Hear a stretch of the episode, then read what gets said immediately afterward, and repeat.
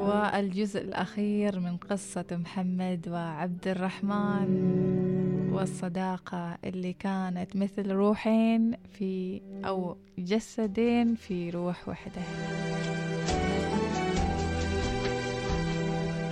يقول محمد الحمد لله بعد أسبوع من تقديم الطلب وموافقة المدير على نقلي للفرع القديم اللي كنت فيه مع عبد الرحمن انتقلت أخيرا ولله الحمد. انتقلت في نفس المكتب ونفس الكرسي القديم اللي كان جنب كرسي عبد الرحمن. والحمد لله رجعنا مثل قبل وأحسن وعشت أجمل أيامي في العمل برفقته وتشجيعه. وزادت سعادتنا بطلعاتنا وفزعاتنا لبعض وزياراتنا العائلية اللي كانت بين فترة والثانية. وفيها الفترة بدينا نسأل عن مصعب ونشارك بعض الأحيان في رحلاتنا علشان نخفف عليه اللي فيه ونحسسه إن الدنيا بخير مع شخصيته الجديدة اللي حس بها إن حياته انفتحت له من جديد. مرت الأشهر وفي يوم من الأيام قررت أطلع إجازة أسبوع لظروف عائلية. في هذاك الوقت ما كنت أعرف شيء من اللي يصير في الدوام. كنت أتواصل مع عبد الرحمن بشكل بسيط لانشغالي بهمومي ومع هذا كنت أنشد عن أخباره وفضفض له كالعادة يسمعني وينصحني ويسندني وسنده.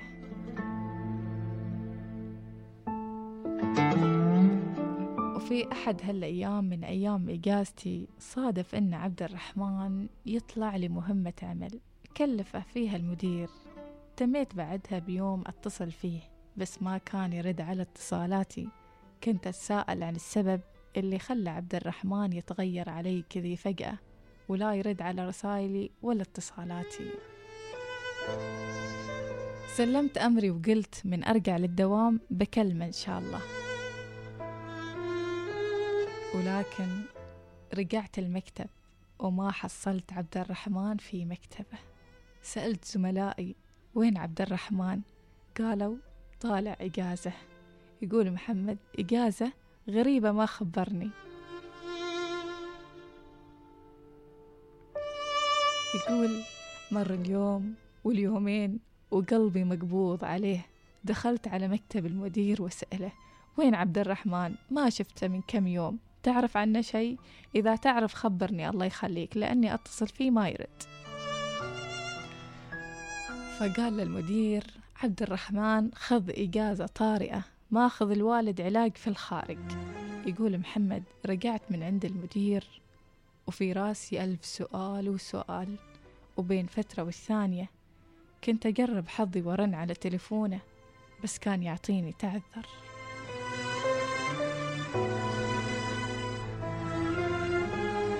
وما بين اللحظة والثانية وما بين اليوم والثاني وبعد مرور شهر كنت أسمع الزملاء يتكلمون عن حادث وموت ولما أدخل عليهم يسكتون ويغيرون السالفة أقولهم وش صاير؟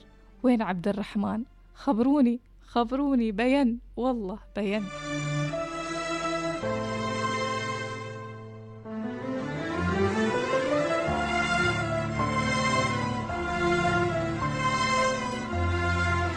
قال له مصعب عبد الرحمن أعطاك عمرة. كان في مهمة عمل وسوى حادث ومات على طول الله يرحمه ويغمد روحه جنات النعيم.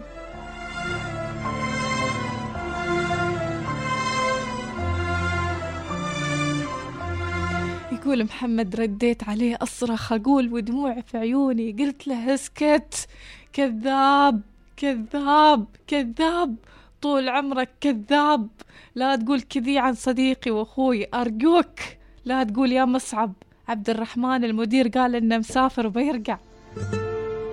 كنت أصرخ وأصرخ وأبكي وأضرب كل حد يهديني ويكلمني. كنت أصرخ بكل قوتي.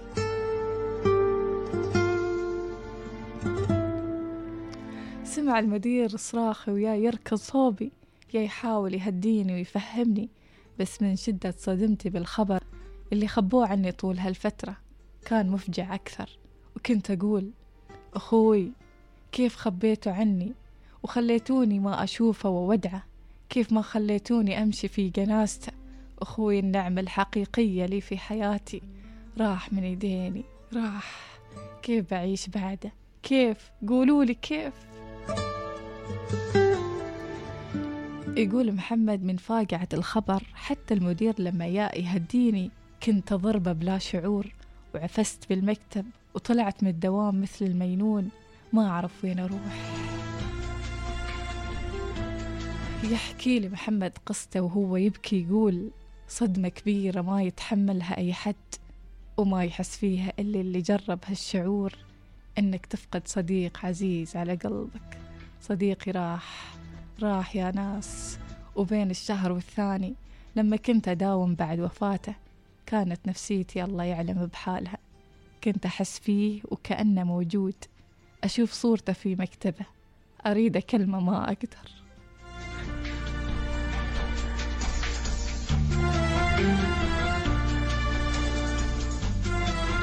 ولأن ألم الفقد أكبر مني قررت أني أستقيل من هذاك العمل. وانتقلت لوظيفة ثانية في مكان ثاني ولين اليوم أتذكره. ودموعي تذرف من كل جزء وفي كل جزء تحكونه عن قصة صداقتي مع عبد الرحمن.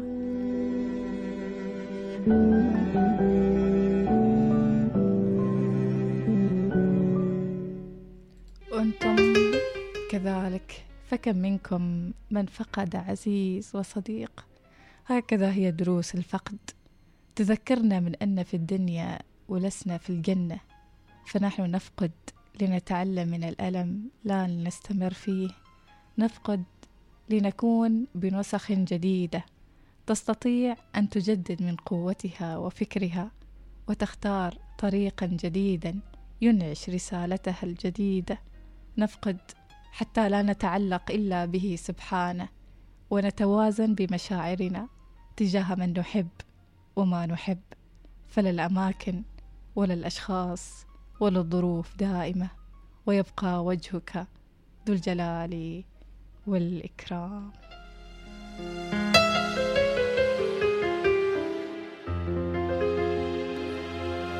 فقدتك. يا عز الناس.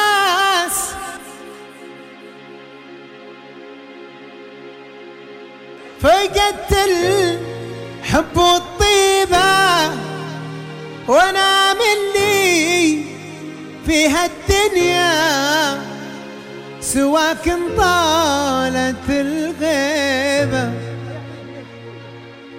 أنا من لي في هالدنيا سواك طالت الغيبة. رحلت من بقى وياي يحس ضحكتي وبكاي وحتى الجرح في بعدك يغزيني وهلني به أنا